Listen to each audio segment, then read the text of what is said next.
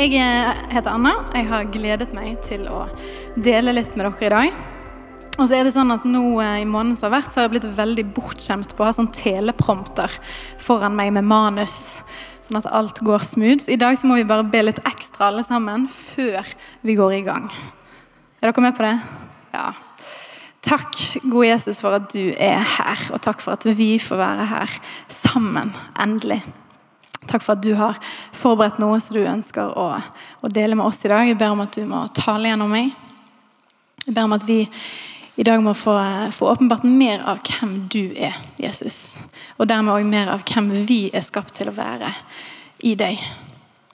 Jeg ber om at i dag så må vi gå ut disse dørene og være mer oppmuntret enn det vi var når vi kom inn. Amen. Har du noen gang overvurdert dine egne evner? Tenkt litt for høyt om hva du kan få til sjøl. De to første ukene av lockdown, eh, før min mann ikke fikk lov å jobbe mer og kom hjem, da var jeg aleine med våre to barn i to uker. Det er en eh, liten gutt på ett år som var helt sånn på randen til å lære seg å gå, og samtidig hadde null selvinnsikt i ferdighetsnivået. Og så var det vår datter, storesøster på tre år, som eh, kan være ganske voldelig med nevnte lillebror. Og av og til òg med undertegnede. Så jeg var hjemme med de to, og så gikk jeg ganske høyt ut første dagen. Mandag morgen. Da var jeg sånn Yes, vi skal bake muffins. Så mens lillebror sov, bakte jeg muffins med storesøster. Eh, og Det er jo egentlig en historie for seg sjøl, det å bake muffins med en sånn sta treåring og en litt for kontrollerende mor. Men det er ikke den historien vi skal ta. Muffins ble det fordi vi skulle ut på tur. Vi bakte muffins, vi skulle ut på tur. Det var nydelig vær. Eller opphold, som det egentlig heter. Uh, og jeg pakket sekken og tok uteklær, og det var bleieskift, og det var klesskift, og det var mat, og det var alt vi trengte.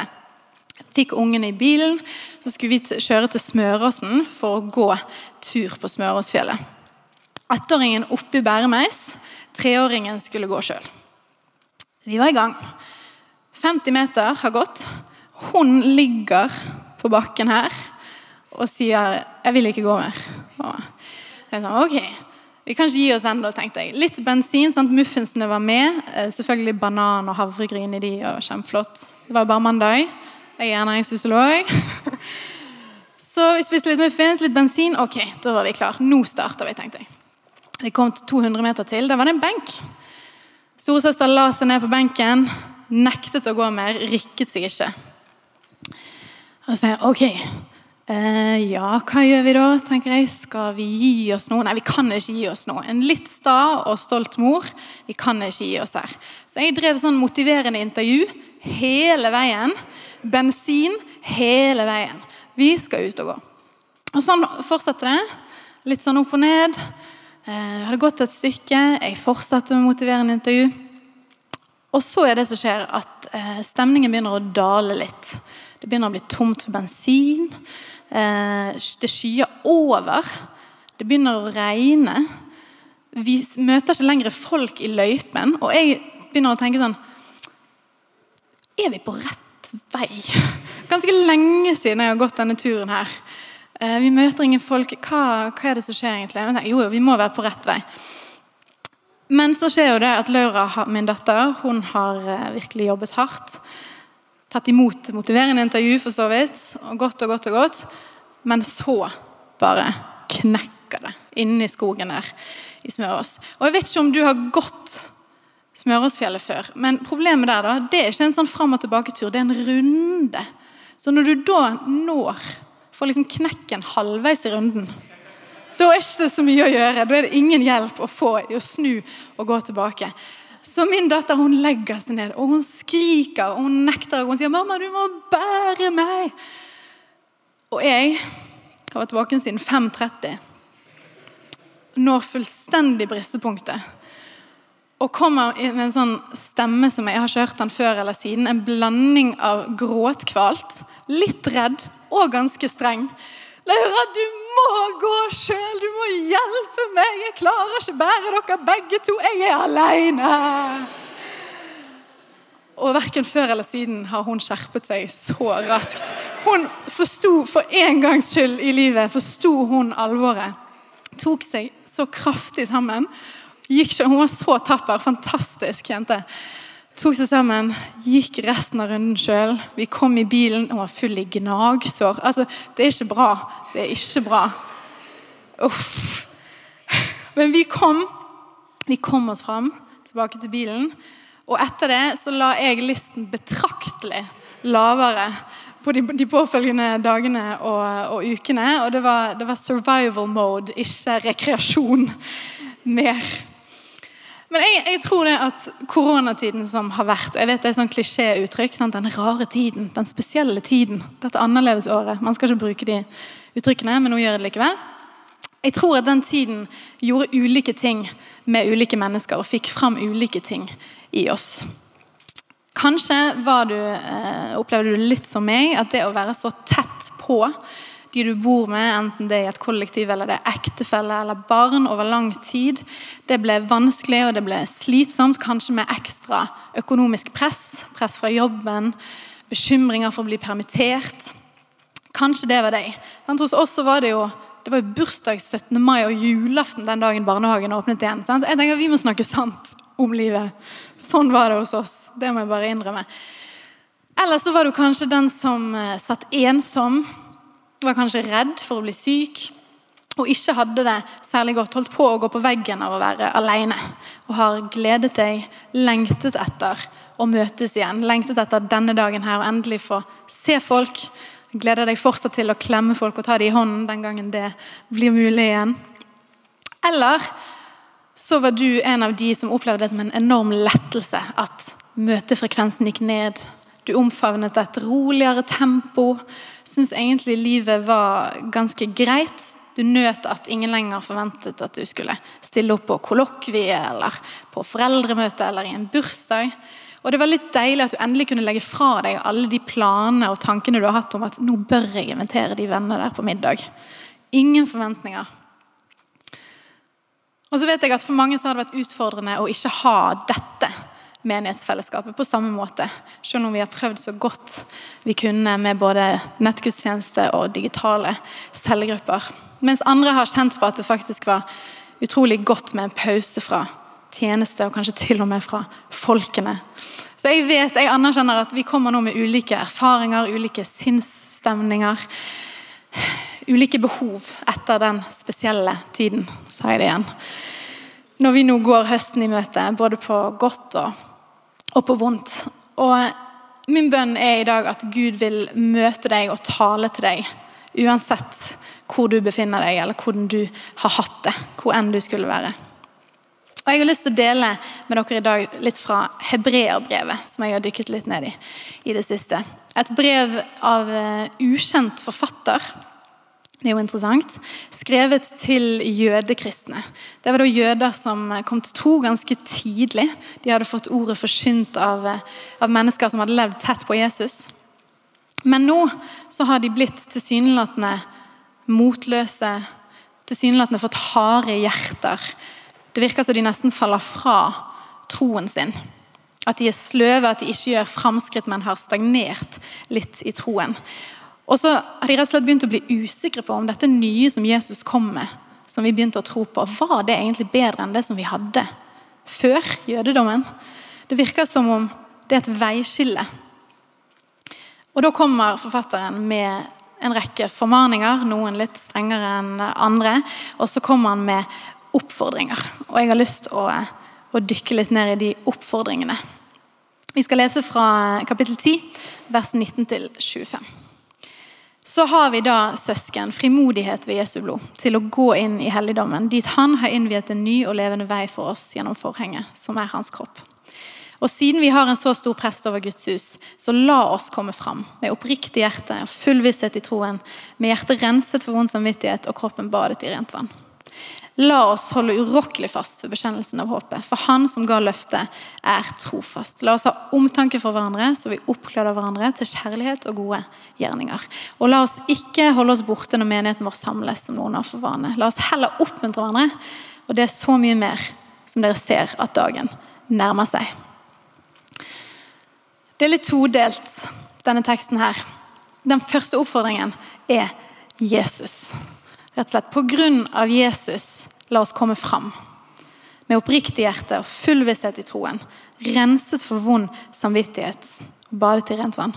På grunn av Jesus, la oss holde fast ved det håpet. Han som ga løftet, er trofast. Han sier til hebreerne at de skal holde fast ved kjernen, holde fast ved det viktigste viktige. At, at Jesus har åpnet en vei for å komme nær Gud. Han skriver at de skal få slippe dårlig samvittighet og disse evige forsøkene som de hadde i jødedommen, der de måtte sende en ypperste prest inn i det aller helligste for å ofre gang på gang igjen og igjen. sier han her at nei, Jesus har jo banet en ny vei, en bedre vei. Og nå kan dere endelig komme nær Gud. Og så vil dere tilbake til loven, til det som var. Jesus er større enn noen profet, og så vil dere tilbake til Moses, skriver han. I kapittel 7 skriver han at loven førte jo ikke noe fram til fullendelse, men nå kommer noe bedre. Et håp som gjør at vi kan komme Gud nær. Og På samme måte så oppfordres vi òg til å holde fast i det håpet og den vissheten at vi endelig kan komme Gud nær. Midt i forandring, i usikkerhet, i alt vi måtte møte, så er han trofast. Og han er bedre enn noe annet alternativ. Så mye bedre enn det som var før. Så er det den andre delen her. Jeg syns det er interessant at når, når forfatteren her skal, skal oppfordre dem og, og, på en måte guide dem tilbake til den rette troen, så handler ikke det bare om at de må holde fast ved Jesus og det håpet. Men han skriver òg dette her. La oss ha omtanke for hverandre, så vi oppgleder hverandre til kjærlighet og gode gjerninger. Og la oss ikke holde oss borte når menigheten vår samles, som noen har for vane. La oss heller oppmuntre hverandre, og det er så mye mer når dere ser at dagen nærmer seg. Fellesskapet, folkens. Stå sammen, bygge hverandre opp. Står i samme avsnitt så det at dere må holde fast ved håpet, men dere må også holde fast med fellesskapet. Vi trenger hverandre i livet i troslivet. Som er to sider av, av, samme sak, egentlig. For det er så ensomt å prøve å fikse alt sjøl her i livet. Vi trenger ikke å prøve å klare alt alene, for så å innse på midten av runden på Smøresfjell at vi gjerne skulle hatt noen med oss, eller i det minste en skulder å gråte på. Avdelingsdirektør ved Folkehelseinstituttet skrev en avisartikkel om hva korona kan gjøre med oss som den norske befolkningen. Og da sier hun det at Smitteverntiltakene kan for mange ha gitt sosial isolering og ensomhet. Og Disse faktorene øker risikoen for psykiske helseplager og selvmord. Ikke bare de sårbare gruppene, men hele befolkningen kan ha hatt en økt risiko for nedsatt psykisk helse. Zoom og Teams og FaceTime og nettgudstjeneste det er fantastiske verktøy. Men det er noe med å faktisk møtes fysisk se hverandre i øynene, snakke sammen. Og jeg må si at Mitt høydepunkt under lockdown, i den perioden der vi egentlig bare møtte kjernefamilien, det var når jeg fikk dra ut alene for å komme her og være med media og teknikergutter. Fellesskap, folkens. Komme her og være med Simon, Asgeir, Jonas og Frida var innom. Steinar var innom fantastisk godt å møte noen fra fellesskapet. Det er noe helt spesielt. Helt nydelig. Troen vår den er ment å leves ut både privat, den private dimensjonen, og ha en intim relasjon én til én med Gud. Men òg offentlig i det store menighetsfellesskapet, der vi sammen kan feire, sammen bekjenne med andre. Og Vi går glipp av sider ved gudsrelasjonen dersom vi bare har den private, intime delen og vår gudsrelasjon ikke har noe stort fellesskap å være en del av. Eller motsatt, hvis troen ene og alene holder sammen av det store fellesskapet, men egentlig ikke har en en-til-en-relasjon med Gud tett på, nært. Vi trenger å leve ut troen alene og sammen. Og så vet jeg at Kanskje sitter det noen her som har hatt noen fantastiske måneder med Jesus. Som en sånn evig lang retreat. Gud velsigne deg! Så fantastisk. Men ikke tro likevel på den løgnen om at livet med Jesus er best alene. Uten menighetsfellesskapet og det styret og utfordringer og vanskeligheter som kan komme med det. Ikke tro på den løgnen, for da går du glipp av både å få være til velsignelse for andre og å få motta de velsignelser som ligger klart her for deg. Jeg må ærlig si at Min bekymring både for meg sjøl og andre etter denne tiden, det er at vi kan nå bli litt sløve. At vi begynner å tro på den løgnen om at dette fikser vi greit sjøl. Det er like greit å bli hjemme på søndagen, for det er så utrolig deilig å se nettgudstjeneste i pysjbuksen uten å måtte snakke med noen eller møte noen blikk. Du er for øvrig hjertelig velkommen her på gudstjeneste i pysjbuksen. Hvis det er det som skal til. Det kan jeg til og med sitere vår nye hovedpastor på. Så ikke tenk på det. Men Forfatteren oppmuntrer menigheten til å komme seg gjennom det som de nå går igjennom den usikre fasen ikke ved å isolere seg alene med troen sin og finne ut av det da, men med å gjøre det sammen i fellesskap. Holde fast i håpet og holde fast i fellesskapet. Sammen stille opp for hverandre. Velge å forplikte seg til hverandre. Velge å være med på det som skjer, og plante seg.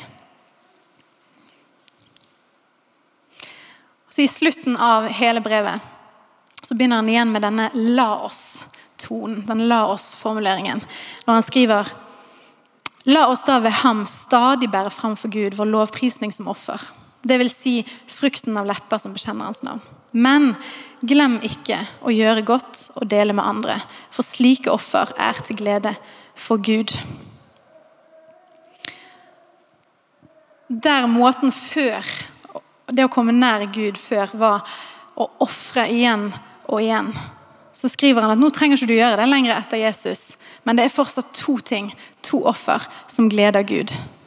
Det første er lovsang, tilbedelse i takknemlighet. Takk for hvem Gud er og alt han har gjort. Og det andre er godhet og gavmildhet til hverandre. Så i forandring, i usikkerhet, i utfordringer, så er Jesus alltid den konstanten vi må søke. Og det vet sikkert de fleste av oss. Det har vi hørt. Og så Pga. at han binder oss sammen og gjør oss til én en enhet, så kan òg fellesskapet mellom troende være en sånn konstant. På godt og vondt i livet, i troslivet. Og det vil jo aldri bli perfekt, for vi er bare uperfekte mennesker som danner dette fellesskapet. Men likevel så kan vi ha fellesskap gjennom uenighet, gjennom skiftende tider, midt i forandring. Pga. Han, pga. det håpet som vi først og fremst holder fast i. Og I stedet for at vi òg lar hjertene våre bli harde, så kan vi gi hverandre et ja. Gi hverandre et ja til å bli med på det som Gud vil gjøre i Bergen frikirke høsten 2020. Gi oss sjøl til hverandre med oppmuntring, med kjærlighet, med gode gjerninger. Det høres ganske bra ut, syns jeg. Så vet jeg det at I månedene som har vært, så har det vært eh, veldig mye snakk om at nå holder vi på med en felles dugnad. Nå er vi et stort fellesskap, selv om vi ikke kommer sammen. Og vi står sammen. Og så er det jo manges erfaring at man ikke opplevde det som et reelt fellesskap. Man følte seg distansert og kjøpte ikke helt det som ble sagt om at nå står vi sammen i den dugnaden. Og så vet jeg at Kanskje så sitter du her og så mangler du også en erfaring om at Bergen frikirke er et reelt fellesskap for deg. Du er vant til å høre at det snakkes mye om det, men du har ikke den erfaringen eller opplevelsen i eget liv. Jeg håper at det vil endre seg denne høsten her. Og så er det vårt ansvar og vårt privilegium å jobbe mot den endringen. Jeg drømmer om at vi i høst skal se mer tydelig enn noen gang at her er det et fellesskap som er preget av omtanke, av gode gjerninger, av at Jesus er i sentrum, med plass for alle. Både nye og gamle mennesker. Men jeg klarer ikke det alene. Og Eldsterådet klarer ikke det alene. Og Tor Erling klarer ikke det alene. Så bli med på det. Bli med inn i høsten, påkoblet til de menneskene som sitter litt for langt unna deg akkurat nå, og de menneskene som ikke er her ennå. Bli med med en forventning til hva Gud kan gjøre i oss og gjennom oss. Sammen denne høsten her. Jeg har lyst til å ta og, og be litt for det sammen. Bli med og be for det som ligger foran nå. Takk, Jesus, for at du allerede er i denne høsten som vi holder på å gå inn i. Og du har lagt klart gjerninger som vi skal få vandre i. Jeg ber om at vi denne høsten må bli et fellesskap som ikke bare er Jesus likt, men har Jesus i sentrum. Jeg ber om at du skal være sentrum for alt vi gjør. Jeg ber om at du må lede oss, guide oss framover og vise hva du vil gjøre med din menighet. Takk for at vi får være med på det du gjør. At dette ikke handler om at vi skal komme på masse lure ting som vi skal gjøre, men at vi skal følge deg. Holde fast i det håpet som du er, og holde fast i hverandre. Og vi får se at du gjør store ting i oss gjennom oss denne høsten av Jesus. At liv blir forvandlet, at mennesker kommer til tro. At vi får se mennesker som blir helbredet og satt fri.